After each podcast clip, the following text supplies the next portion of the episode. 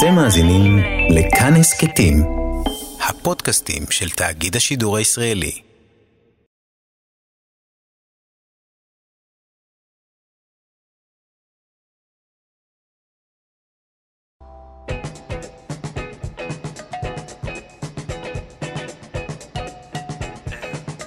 רק שאלה. רק שאלה, עם אבי שמאי.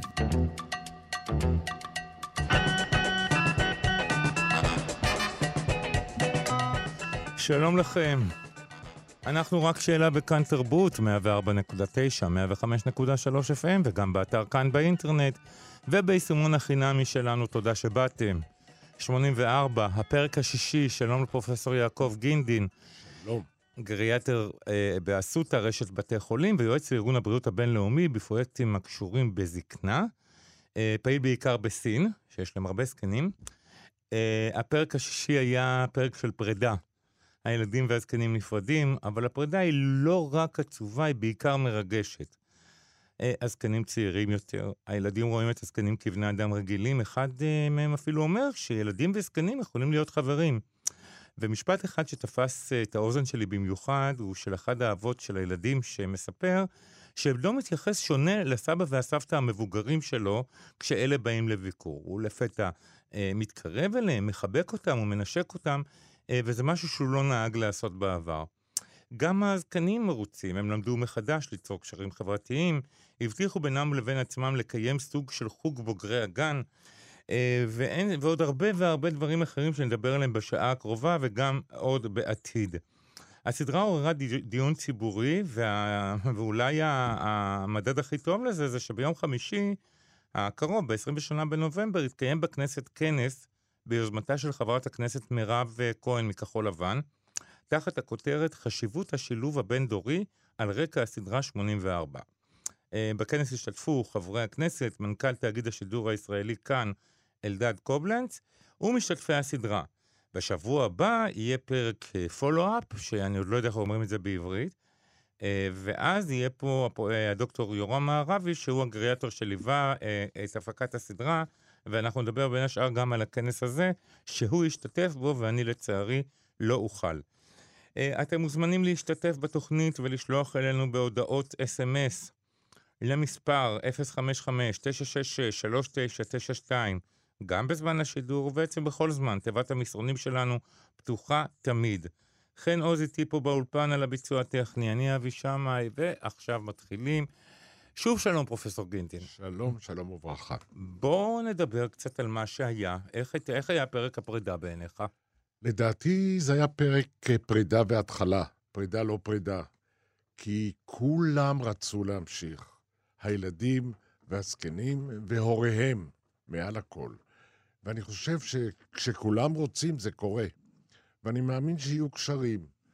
קשרים ב- ב- ברמה של, כמו שאמר פרץ, תזמין אותי לבר מצווה, ואמר מישהו אחר. לפי מה שאני יודע, אני אדליף לכם מידע פנימי. יש קשרים, יש ארוחות ערב, אה, הזקנים באים לבתים של הילדים.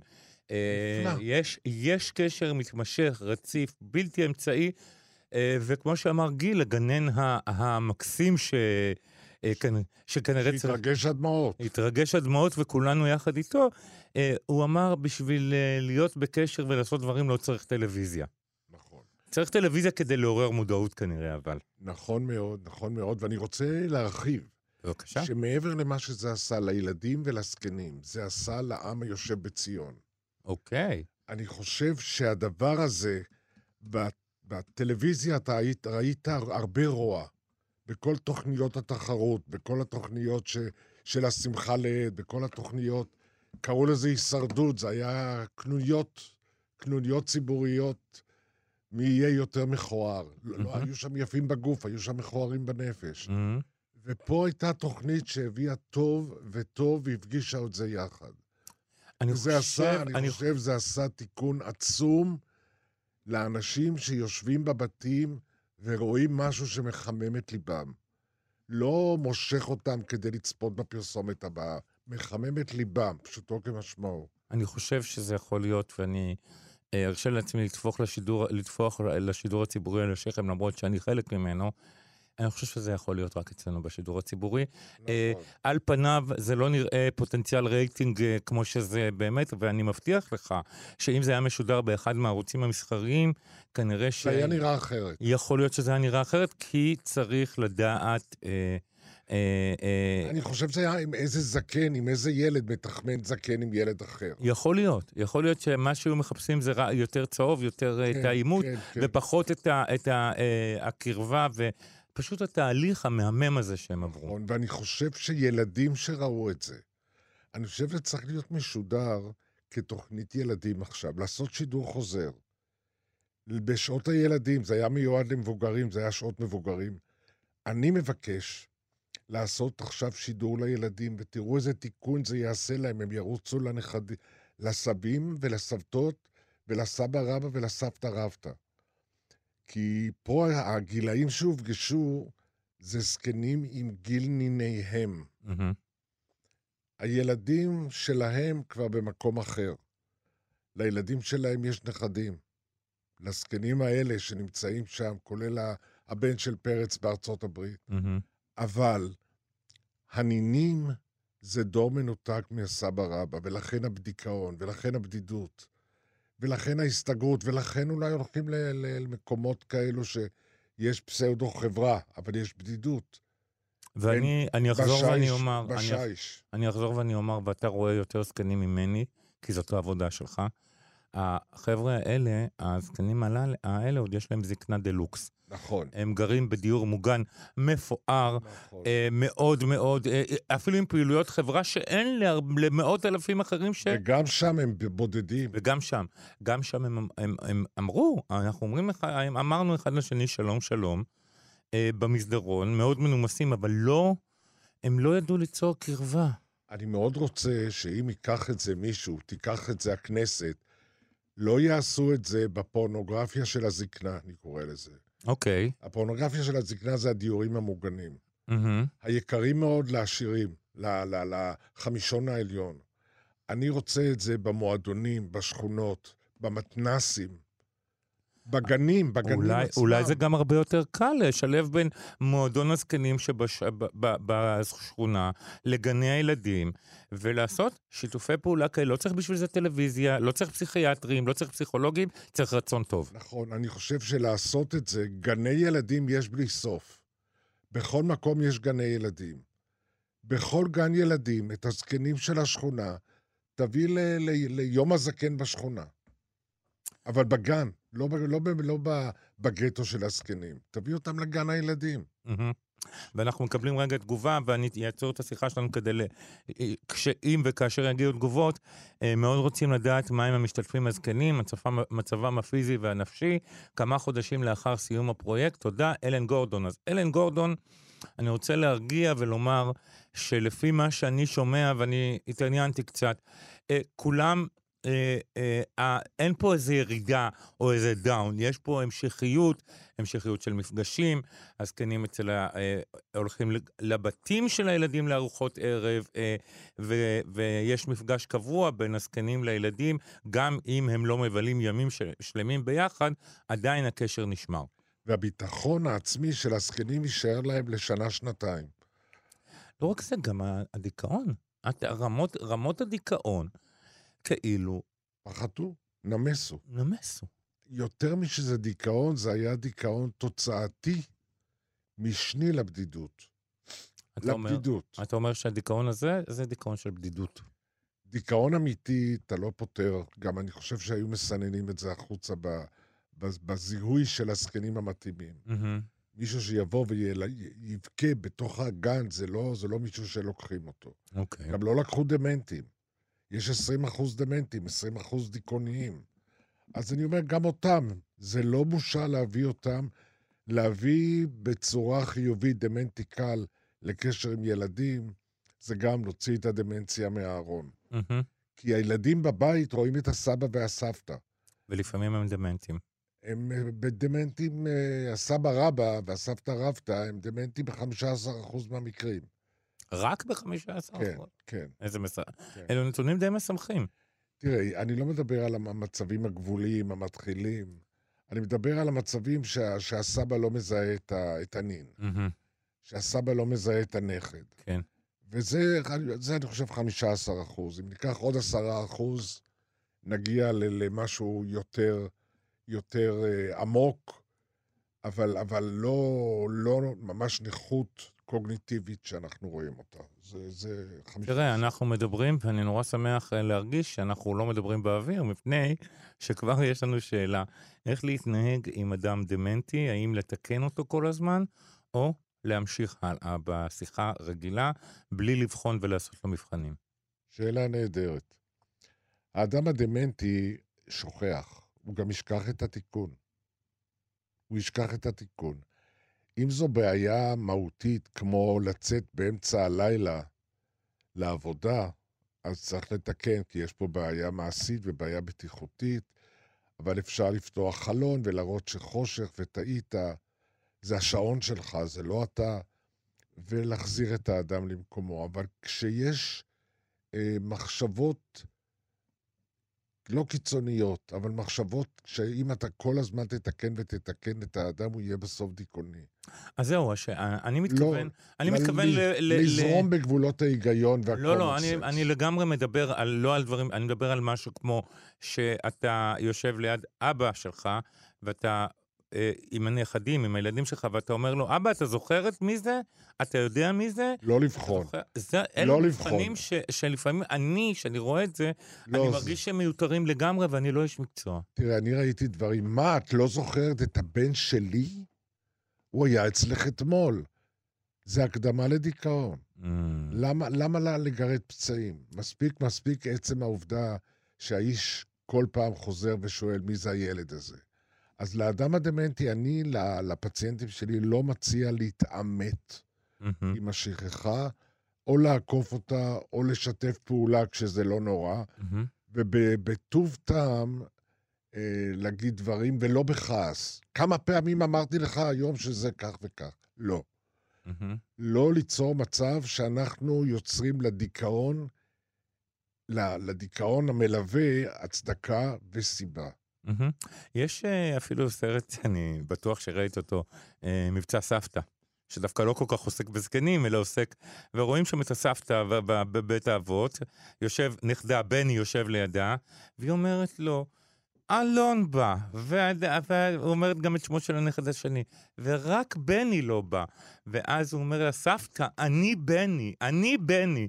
הוא, זה מוציא אותו מדעתו. זה אומנם אה, אה, אה, אה, אה, באמת אה, איזשהו אלמנט, ניואנס, כן. ניואנס קומי וזה, אבל לפעמים זה באמת המצב אצל אנשים. אני, אני לא אומר, אני לא אומר שאנחנו צריכים את, ה, את הרגשות עם בני לא, לא מובחן, אז הוא יתקן את הסבתא, אני בני, ו- אבל שיחבק אותה יחד עם זה. מהמם. שלא יכעס. שלא יגיד לה, איך זה את לא זוכרת אותי? זה אני... זה, אתה מבין, אפשר לעשות את זה בטוב טעם, באהבה, בשמחה, בחיבוק. מה שהכי כיף לי זה שבצד השני של החלון חן עוז יושבת ומתפקעת מצחוק. זה הכי כיף פה, ב... זה הדבר הכי טוב שיכול לקרות. אה, עוד, עניין, על ענייני, אה, עוד על ענייני דמנציה ועל ענייני אה, אה, שינוי אה, קוגניטיבי. אה, אתה ראית בזקנים, עזוב, אנחנו ראינו כולנו, נדבר על זה עוד בהמשך, על עניינים פיזיים, על עניינים אה, אה, אה, נפשיים אולי, אפילו על חזרת שמחת חיים. אתה ראית גם בכישורים הקוגניטיביים שלהם שינוי? זאת אומרת, בקטע עם הסמארטפון בהתחלה, אה, הניסיונות... אני, אני לא מצפה לשינויים קוגניטיביים אוקיי. לקרות. מה שכן, לפעמים אדם שהוא יותר, אה, יותר מחובר לעצמו, מהמם, שהוא לא דיכאוני, הוא יותר מרוכז, הוא יותר קשוב לסביבה. אני כן רואה הגברת קשב, לא רק בפעילות אה, רגשית, גם בפעילות אה, גופנית. מהמם, זקן שכשהולך ל- להתעמל יום-יום, עושה טיול, הוא יותר קשוב, הוא ישן יותר טוב, הוא פחות עייף, יש לו יותר פניות לאלה שמולו, הוא רוצה לדבר, הוא מקשיב להם.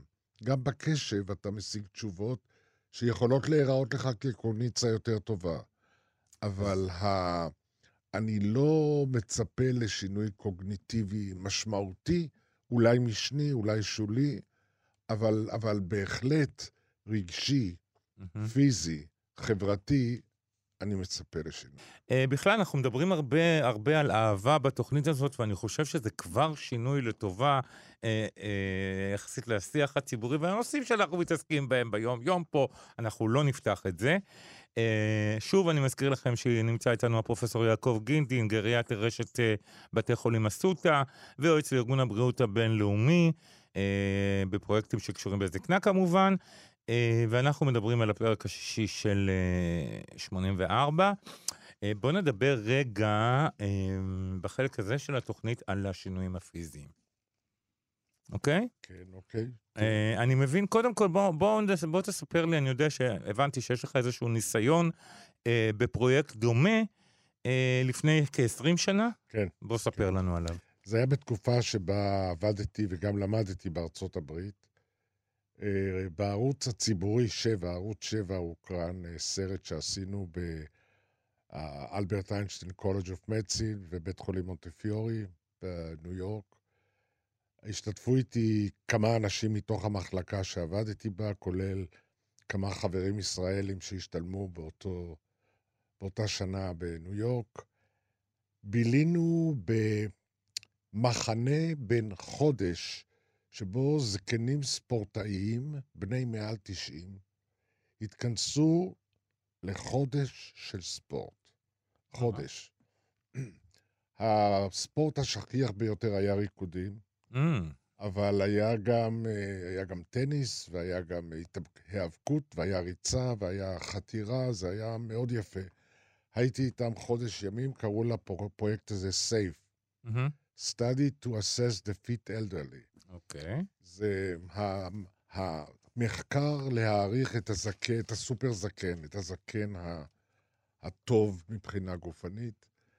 אה, הם באו עם נשותיהם, וקבוצת הביקורת, או בעליהן, מהמם. קבוצת הביקורת היה, הייתה בני הזוג.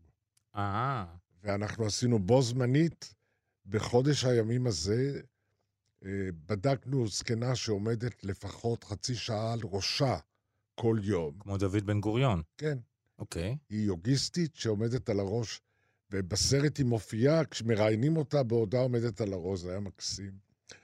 אבל, אבל בעלה שוכח, אה, בעלה שוכח.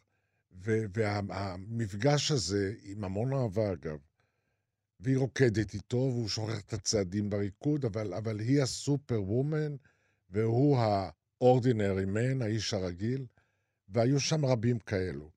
אגב, הם עשו לכבוד אה, בואי ובכבוד בואם של עוד כמה ישראלים לחודש הזה, חודש ריקודים מריקודי העם הישראליים. mm, ומאוד התאהבו בשיריה של עופרה חזה, ובסאני, סאני אוקס קראו למתחם הזה, בערי הקצקרס, ושם הדהדו שיריה של עופרה חזה ברמקולים בכפר במשך חודש ימים.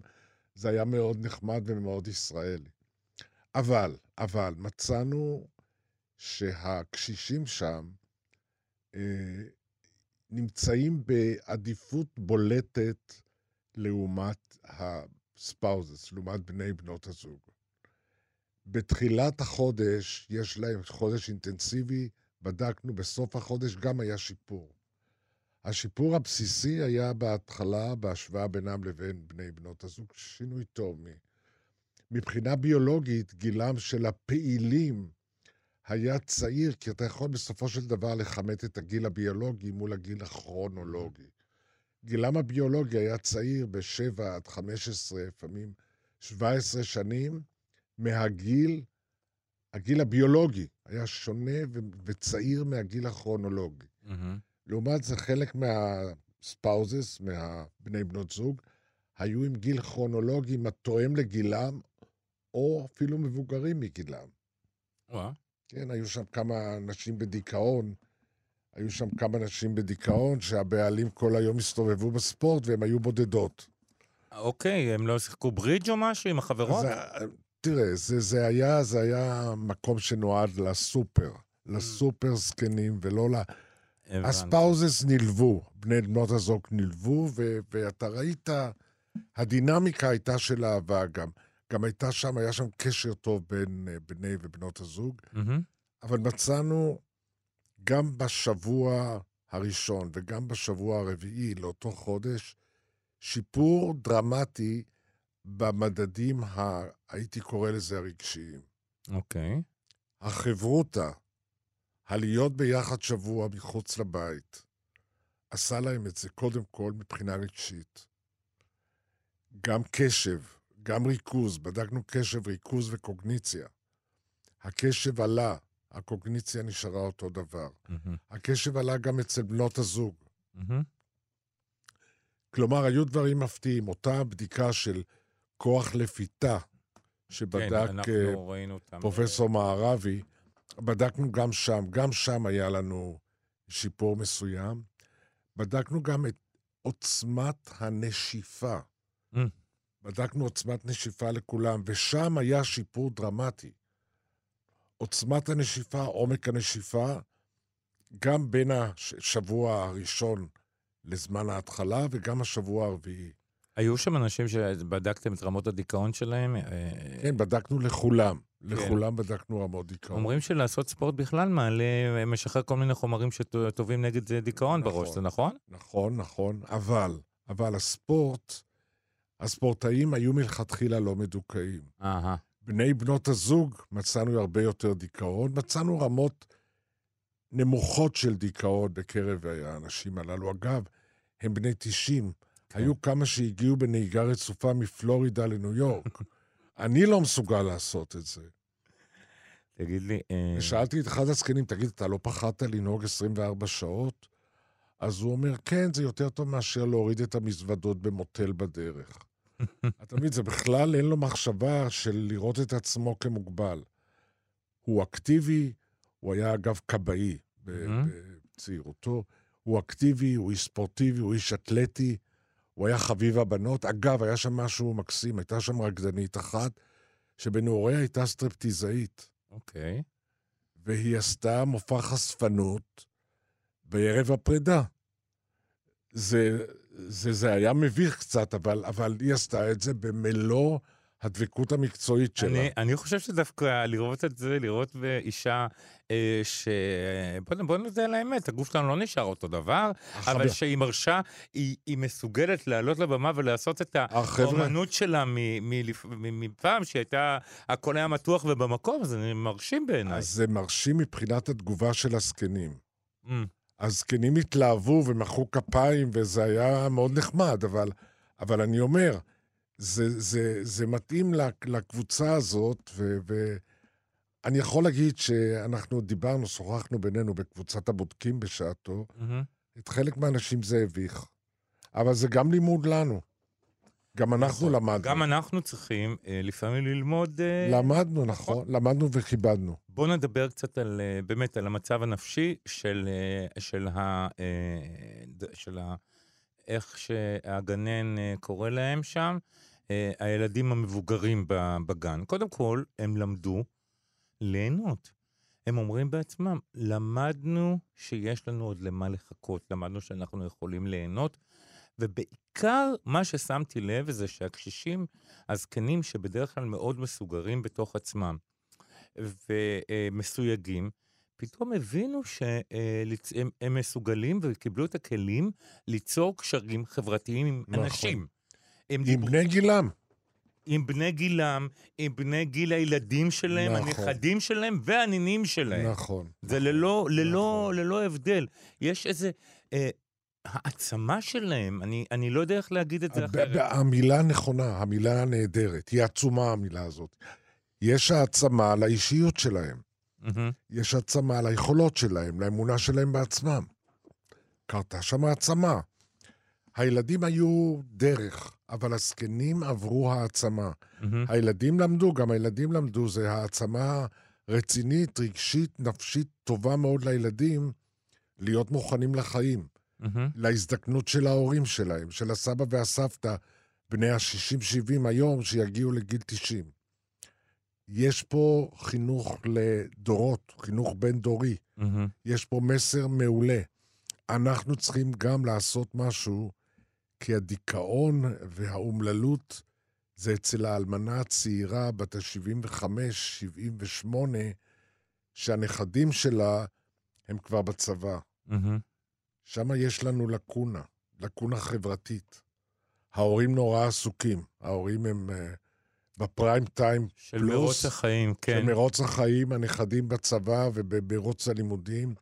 הסבא והסבתא הם קצת הכיס שמסבסד את שני הדורות האלו, נגיד את זה דוגרי. לגמרי, אין פה מה להסתיר. נכון, אני אומר, הסבא והסבתא, בני ה-70 עד ה-80, מסבסדים את שני הדורות.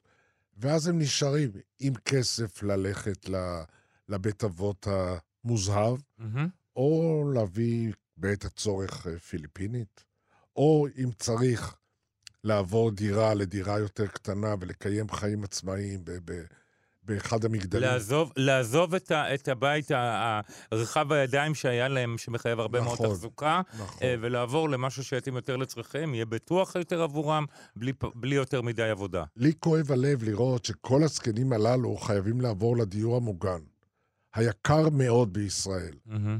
אני חושב שלסבסד גן ילדים בכל בית קומות, שבו יש דירות קטנות שיתאימו לזקנים, מהמם.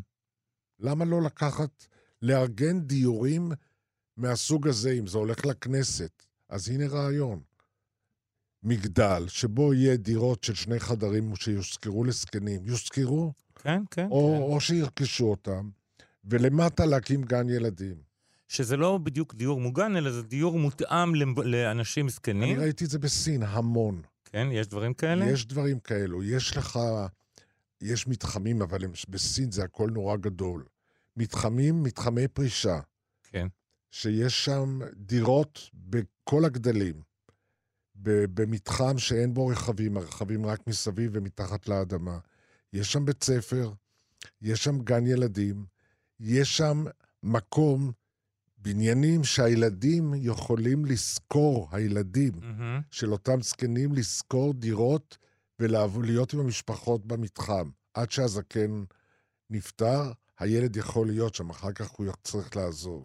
אני מבין. אבל אלה, אלה מתחמים ענקיים של, בשטח של רמת אביב. ממומנים על ידי, אה, אה, בחלקם על ידי המדינה? אני- היוזמה היא של המדינה? לא, אני ראיתי שלושה כאלה, אחד ביוזמה של משפחה סינית, ושניים ביוזמה של חברה הונג קונגית שהקימה את זה ברחבי סין, וזה מאוד מוצלח. מהמם. ערים, ערים, מיני ערים, שבהם יש לך את הכל, אבל אתה לא צריך להיות uh, הזקן הנתמך אם אתה לא צריך. יש שם גם דיור uh, מוגן אם צריך. יש שם גם בית אבות אם צריך. יש שם בית אבות לרמות השונות בעיר הזאת. כן. אבל רוב העיר זה זקנים עצמאיים, וגני הילדים, גני הילדים של הסביבה ושל הנכדים שלהם זה באותו מתחם. אוקיי. אה, בכלל, בסין יש איזשהו כבוד יותר מפה לזקנים, נכון? בסין ה- המסורת שלהם אה, קוראת ליחס בין הבן להורה קדושת, קדושת יחסו של הבן, פיליאל פייטי. זה, Mhm. זה מילים של אדיקות, אדיקות יחסו של הבן להוריו. אז זה מתחיל במסורת, וזה עובר בחוק. בחוק הסיני אסור לנטוש הורה.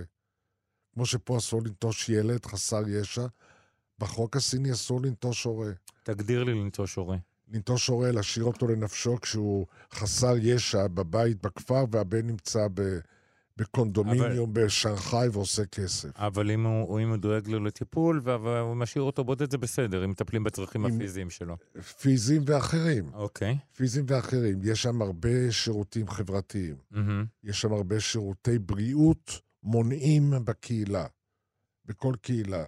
יש לנו מה ללמוד מהם בתחום הזה. כן, יש שם גם הרבה עניינים אחרים, אבל בהחלט בעניינים האלה של ה... אה, כנראה ששכחנו מה זה אה, להיות אה, מדינה באמת אה, סוציאליסטית או סוציאלית בכלל.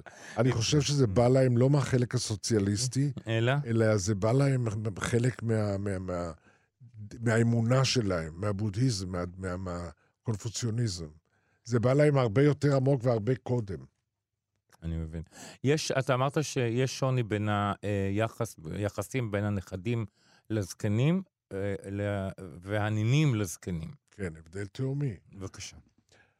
תראה, הנכדים שהלכו לצבא והלכו ללימודים, משאירים סבא, סבתא שנוהגים, ויוצאים לטייל, ויש להם אה, חיי חברה ופנאי וברידג', והסבא והסבתא הם בני 70, 80. והיום בן 70 הוא צעיר, ולא נכון. יעזור לנו כלום. נכון. אז אנחנו ראינו שם את החבר'ה בפרויקט הזה, בני 85 עד 90 ו... 95. ש... שהם הם נינים ל- לבני הגיל של אותם ילדים בגן. נכון, הנ- הילדים הם נינים, הם בגיל הנינים שלהם נכון. בדרך כלל. הם פחות ס- נכדים, נכון. נכון. אז אנחנו שכחנו, וזה לא הרוב אגב. הרוב, רוב הזקנה מת, מת, נמצאת בתחום שבין 75 ל-85. תוחלת החיים בישראל עברה את ה-80, אבל בוא נזכור שהשורדנים הם אלה שאנחנו ראינו אותם בתוכנית. מי שמגיע לגיל אה, 80 יגיע גם יותר, מפני שאנחנו מדברים על ממוצע. ובמדינת נכון. ישראל כך וכך אנשים מתים נכון, צעירים, וכך וכך, אה, בכל מיני מלחמות נכון. על הכביש, או מלחמות... אה, אבל, אבל בני 90, בני 90 הם, אה, אח- הם אחוז אלה שנפטרו הוא גבוה בתוך הקבוצה הזאת. מהמם, ו... ו- זאת אומרת, אלה שהגיעו לגיל 90 הם שורדנים.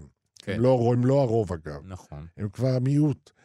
וככל שעולים בגיל, ההישרדות הולכת ונהיית נדירה יותר. אבל אני חושב שאנחנו צריכים לא, לא לשכוח את העיקר. העיקר זה בני ה-75 עד ה-85, שהם מפתחים את הבדידות. כשהילדים הלכו, כשהילדים הלכו להתעסק בפריים טיים שלהם. והם עדיין במאבק החיים, ואולי במאבק הישרדות, והם המממנים את שני הדורות הקודמים, ואנחנו חייבים לתת לקבוצה הזאת פעולות מנע לדיכאון. 80 זה, זה צעיר זקן. בואו בוא, בוא נראה את, את, ה- את המציאות. 75, חלק מהם לא יסכימו שתקרא להם זקנים, אבל הדיכאון כבר שם, מתחיל להיות שם. הבדידות, הניתוק, ההדרה, הדרתם מהחברה, הדרתם לפעמים מהמשפחה. אני יותר מודאג באמת בעניין של ההדרה מהמשפחה, כי אני מכיר זקן שמאוד מאוד קרוב לליבי, שהוא צעיר בן 82, אה, שהוא עדיין ה- ה- המרכז של המשפחה שלו. הוא עדיין מביא, שומר על שני הנכדים הקטנים שלו אה, כל יום בצהריים, נוהג, פרלמנט, נכון, קפה נכון. בפרלמנט של הבוקר, משחק קלפים בערב. אני, תראה, אני, אני רואה, ראיתי אלפי זקנים בקריירה הרפואית שלי, עשרות אלפי זקנים. מהמם. רובם בקטע של אה, 75 צפונה עד 100, עד 105. וואה. אני רואה את כל הספקטרום של ההדרה. הדרה מהמשפחה אחרי 90, כבר אין משפחה כמעט. זה, זה, זה, זה מתפרק. הילדים של אותם בני 90-95, יש להם כבר את הגרעינים מהמם. שהם הסבא והסבתא המרכזיים בהם. מביאים את הסבא הזקן מאוד, לפעמים לסדר, לראש השנה. לפעמים, פעמים בודדות, הוא עדיין מרכז המשפחה. הוא שוליים. אבל זה לא נורא אם, אם שומרים על הקשר. היית ממליץ למשפחות לקיים אה, מפגשים אה, כאלה על בסיס קבוע? נאמר שאחת למספר שבועות, שישה שבועות של כולם יכולים וזה, אה, נפגשים כל הדורות ביחד, אוכלים ארוחה אחת, לא צריך יותר מדי. האם זה, זה משהו שצריך להתאמץ אני לעשות? חושב שזה דבר שצריך להיות מובן מאליו. אנחנו עושים את זה בליל הסדר. אנחנו עושים את זה בליל הסדר וגם בראש השנה. בליל הסדר, במשפחה, יותר, יותר מצד אשתי, לא מצידי. אה, יש חמישה דורות שיושבים סביב השולחן, וזה יפה. ו, וה, וכל אחד מקבל את, אה, את חלקו. מהמם. אבל אני חושב שהדבר הזה של רב-דוריות, זכינו שלא כבתקופת קום המדינה ופוסט שואה, שלא היה כזה דבר. אז זהו, זה גם חלק מהעניין שבזמנו לא היו הרבה זקנים, כי מי שבאו, מי שבאו זה היה שארית הפלטה. נכון, מעטים מאוד שרדו, נכון. ואנחנו למעשה עם שקם מחדש ב-70 שנה נכון. האחרונות. ולמזלנו, בנינו אותו על בסיס מסורת יהודית. עדות המזרח, מה שאתה מתאר, את המשפחה הזאת, היותר מחוברת, זה יותר בעדות המזרח. נכון. אתה פחות רואה את זה בעדות אשכנז. גם שם לא... אנשים באו ו- ושרדו את השואה, חלק גדול הילדים שלהם ב- ב- באמריקה וקנדה ומסתובבים בעולם.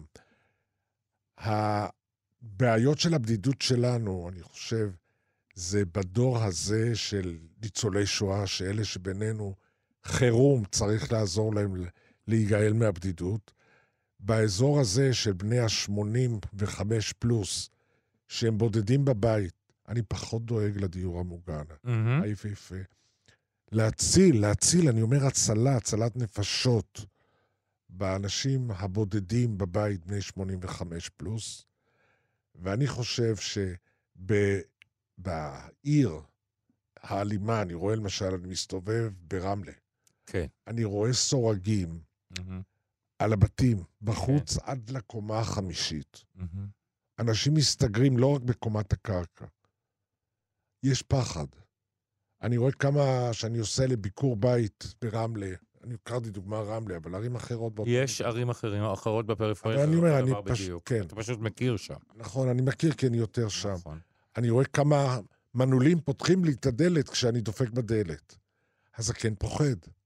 אז באווירת, באזורי פחד, הבדידות איומה ומנוכרת, והזקן הבודד, הנפחד, זה נורא.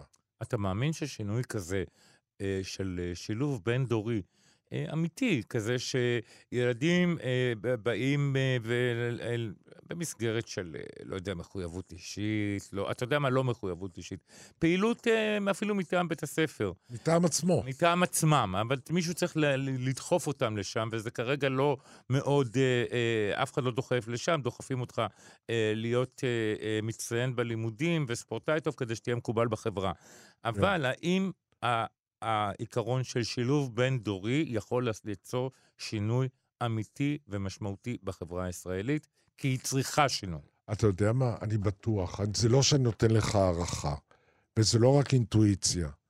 אני יודע שכשעשו את זה, כשהוציאו את, ה, את הדור האוטיסטי מצג המחשב ומצג ה, הלפטופ ומצג מצג הטלפון הסלולרי, ונתנו לו להסתכל בעיניים, כולם, כולם נזכרו. מהמם. גם אלה שהסתכלו להם בעיניים, הזקנים, וגם הילדים עצמם, הם לא בריאים. הדור הזה שהיום בודד, ו- ו- וכל החיים שלו, והבושה זה שיימינג, ולא Mhm. בושה איך אני מתנהג מול הסבתא. אז אני אומר, אנחנו דור מעוות, זה דור מעוות שגידלנו. צריכים אה, להציל אותו מה... מ- מהמילגיי האלקטרוני הזה, שהוא נסחף אליו, למשחקי המחשב, לפעמים אלימים מאוד, והסבא והסבתא יושבים ושולחים להם מקסימום איזה, איזה וואטסאפ, דיר סבתא להם, עם, עם לב בעיניים, אייקון של לב. אני אומר, לעשות את זה עם חיבוק, עם קשר, שההורים ידאגו לזה. אני חושב שיש רגע של שעת רצון עכשיו בציבור, אחרי התוכנית הנפלאה הזאת. אחרי שעלתה. העונה הראשונה שלה, אדוני. אחרי העונה, אחרי whatever, אחרי עונת המהפכה החברתית, תרשה לי לומר. הלוואי. אבל אני רוצה לקחת את המומנטום הזה ול- ולהביא אותו למשרד החינוך, למשרד השיכון, למשטרה, לכל מי שאחראי לרווחת הזקן ולרווחת חיינו גם בדור הבא, כי אנחנו ערבים גם לילדינו. אתה חושב... הם יהיו יותר בריאים ככה. אתה חושב שהילדים של... הילדים האלה, שלמדו לקבל אנשים, להתחבר לאנשים זקנים, יהיו גם ילדים טובים יותר להורים שלהם כשאלה כן, יזדקנו. כן, אני לא חושב שאפשר לשכוח.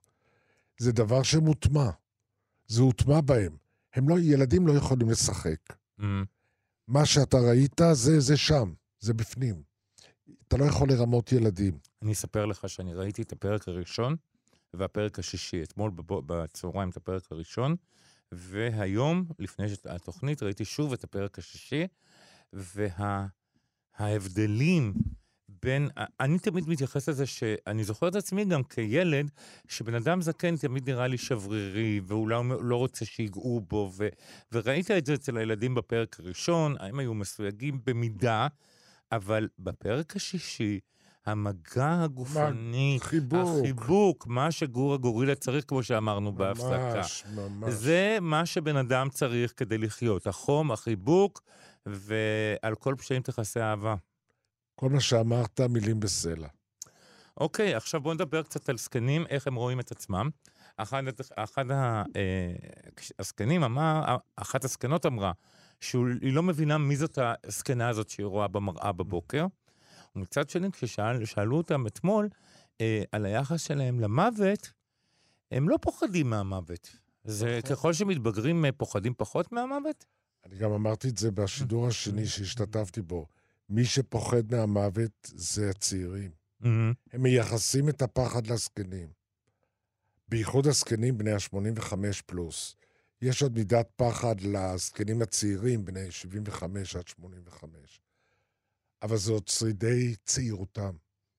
הזקנים עצמם יודעים, והיטיבה לומר את זה אחת המשתתפות, אני לא פוחדת מהמוות, אני פוחדת מהכאבים, שלא יכאב לי ואני לא אסבול לפני המוות. אמרה את זה, אני חושב, אה, הגברת אה, יהודית. הגברת בזוגיות. נכון, אמרה שכואב לי הקצה של האצבע, אני- נכון. אין, לי, אין לי בכלל כוח סבל. נכון. אמרו את זה, אמר את זה גם פרץ, אני רוצה אה, ללכת לי לישון ולא לקום, אה, אה, אין לו בעיה עם זה, אבל נכון. הפחד הוא מהסבל. אז אני אומר לך, הפחד מהמוות זה הפחד של הצעירים, שבינתיים עיוותו לנו קצת את התפיסה של החיים ושל ה, של, ה, של, ה, של רצף החיים, של איך זה צריך להיראות. הוציאו את המוות מה, מה, מהעניין, הוציאו, הכניסו לארון את המוות, הכניסו לארון את, ה, את הזקנה, הכניסו למוות את המוגבלות. אני חושב שאנחנו צריכים עכשיו, אנחנו חברה שיכולה להסתכל לעצמה בעיניים, מספיק חזקה, מספיק חסונה כחברה שעברה די הרבה ביחד, מהמם. ולפתוח את הדברים האלו ולהסתכל אל המוות כחלק מהחיים.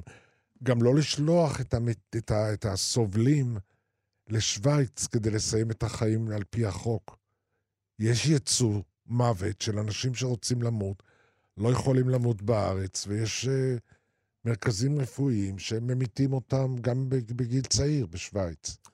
אז אה, אני אומר, אני אומר, לא לפחוד מהמוות, לדון בו, לפתוח אותו, לדון בו בכנסת. למה לא דנים בכנסת בעניין הזה? אתה מאמין שיש לאדם זכות אה, להחליט מתי. מתי ואיך לסיים את חייו כשהוא סובל וכאוב? אני מאמין שכן, אבל אני מאוד לא בעד לתת את זה ביד הרפואה. לרפואה יש תפקיד אחד, לעזור, לרפא, להקל, למנוע סבל, אבל לא להמית. יש לה אוקיי. את הכלים להמית, נכון. אבל שלא להשתמש בזה. חלילה, ה... אתה אומר, הרופא לא צריך לעשות את זה? אה, לא רופא, לא, לא רופא. רופא. ואנשים באים אליי, אני לא יכול יותר. אני אומר לו, אני לא הכתובת. מהמם. אני לא הכתובת, אני יכול לתת לך קנאביס שלא יכאב לך. אז היום קצת פחות, כאב הוא פחות בעיה, כי יש לנו לגליזציה חלקית של הקנאביס. יש לנו צביעות בעיקר בחלק, בדבר הזה, אבל על זה נדבר פעם אחרת. בסדר, אני, אני אומר לך, אני נותן, נתתי למאות אנשים קנאביס, גאלתי אותם מייסורים, והם פתאום רוצים לחיות. כי לא כואב להם, כי לא כואב כי הם להם. יכולים שוב לאכול. כי כי גם המצב רוח, בוא נהיה ביני לבינך הם- כנים, ונגיד שגם המצב רוח שלהם מרומם. גאלתי אותם מהאופיאטים. מהאופיאטים. זה לא מוזר באמת שאנחנו קצת סוטים, אבל שחוקי לגמרי לכל רופא לרשום אופיאטים. הלכתי עם כאב גב, קיבלתי אה, כדור ש... אוקסיקודון. אוקסיקודון זה אופיאט ממכר ביותר. בלי נכון. שום בעיה, רופא משפחה רשם לי 20 כדורים כאלה, אין שום בעיה. האמת שהכאב גבר עליי, ולקחתי אחד, ואני יותר לא אקח את זה. מפני שזה פשוט הרגשה מטורפת, אני לא הייתי פה. אז אני אומר לך, הזקנים שמקבלים את האוקסיקודון ומגיעים למרפאתי באלונקות ובכיסאות גלגלים, במבט זומבי בעיניים, אתה, אתה גואל אותם מהאופיאטים, קודם כל מהכאב, אני לא, לא מסיר את האופיאט לפני שפתרתי את בעיית הכאב. מהמם. אבל אם פתרתי, לא רק, לפעמים אתה לא יכול, אם פתרת את בעיית הכאב, קודם כל, להסיר את אותן תרופות שממררות את חייהם. בבלבול, בטמטום, באי שליטה לפעמים, לפעמים בעצירת שתן, בטשטוש ראייה, בדיכאון משני, גם לאופיאט וגם לכאב. אז, אז אתה חושב שרופא צריך לשקול אה, לעשות שיקולים של אה, במה חשוב מאוד לטפל, ובמה לא משנה, זה, אם זה יהרוג אותו בעוד עשר שנים, אז פשוט נניח לו עם התרופה הזאת ושיחיה באיכות חיים טובה יותר? תראה, אני חושב שאיכות החיים זה צריך להיות נר לרגלינו. ולתת לזקן איכות חיים, כל הדרכים כשרות. ואני חושב שהחובה של, ה... של משרד הבריאות ושל המ... של המחוקק לקבוע את הדרך שרופאים יוכלו בלי עכבות ובלי נהלים מיותרים ובלי חוקים שמגדירים משום מה עדיין פה את הקנאביס כסם מסוכן. כשאני נותן רישיון לזקן לקנאביס, אני נותן לו רישיון, ואני צריך לדאוג שגם מי שיביא לו את הקנאביס בדרך מהתחנה הביתה לא יוחזק כפושע, כי הוא מחזיק שק סם משוכן. אני, אה, לשר הבריאות בפועל, או, אה, כפי שהוא מתקרא בפני עצמו, סגן שר הבריאות, יש לו דעה מאוד מוצקה. הוא מאוד חיובי, אגב, לנושא הזה. כן, רק שהוא אומר שאף אחד לא צריך 100 גרם, והם גונבים את זה, וכל מיני דברים. אז זה נכון, בזה הוא צודק. ואז, אה, בסדר, כי אם לא היה את כל הצביעות, אז כנראה שלא היה צריך גם לגנוב. אז אני, אני אומר ככה, הגניבה, גם לי פעם אחת באה אחת מאלה שנתתי לה, ו-20 גרם לדעתי הספיקו לה, והיא ביקשה 30, אז זה לא עוזר, ו-40 וזה לא עוזר. ושאמרתי לה, אני לא נותן יותר מ-40. אז אם זה לא עוזר לך, בואי נפסיק. אז היא אמרה, חס וחלילה, הנכדים לא יבואו יותר. אז, אז אני אומר, הזקנים, הזקנים... במאמר מוסגר הייתי בשבעה שהייתה מאוד מאוד עצובה, ומה שניחם את כולם, הנכדים וגם חלק מהילדים, זה היה אה, הכמות הנאה של הקנאביס הרפואי שהדודה השאירה אחריה כדי לנחם את מי שמתאבל עליה. ובואו נסיים פה את הנושא הזה של הקנאביס, כי אני אישית יכול לדבר על זה עוד שעה. אוקיי. אה, וזהו, גם התוכנית נגמרה לנו. כן, היה כיף. כמו תמיד. Uh, זהו, עד כאן רק שאלה להיום. תודה לחן עוז שהייתה פה וחייכה אליי מעבר לזכוכית כל פעם שאמרתי משהו שמצא חן בעיניה. לכי לאכול משהו, 12 כבר. אה, ותודה רבה לך, פרופ' יעקב גינדין, גריאטר אסותא רשת בתי חולים ויועץ לארגון הבריאות הבינלאומי בפרויקטים הקשורים בזקנה, פעיל בעיקר בסין ועכשיו גם פה בתוכנית הזאת. אה, תודה שטרחת ובאת אלינו, זה היה כיף אמיתי. תודה רבה לכם, אני אבי שמאי, תהיו טובים. אתם מאזינים לכאן הסכתים, הפודקאסטים של תאגיד השידור הישראלי.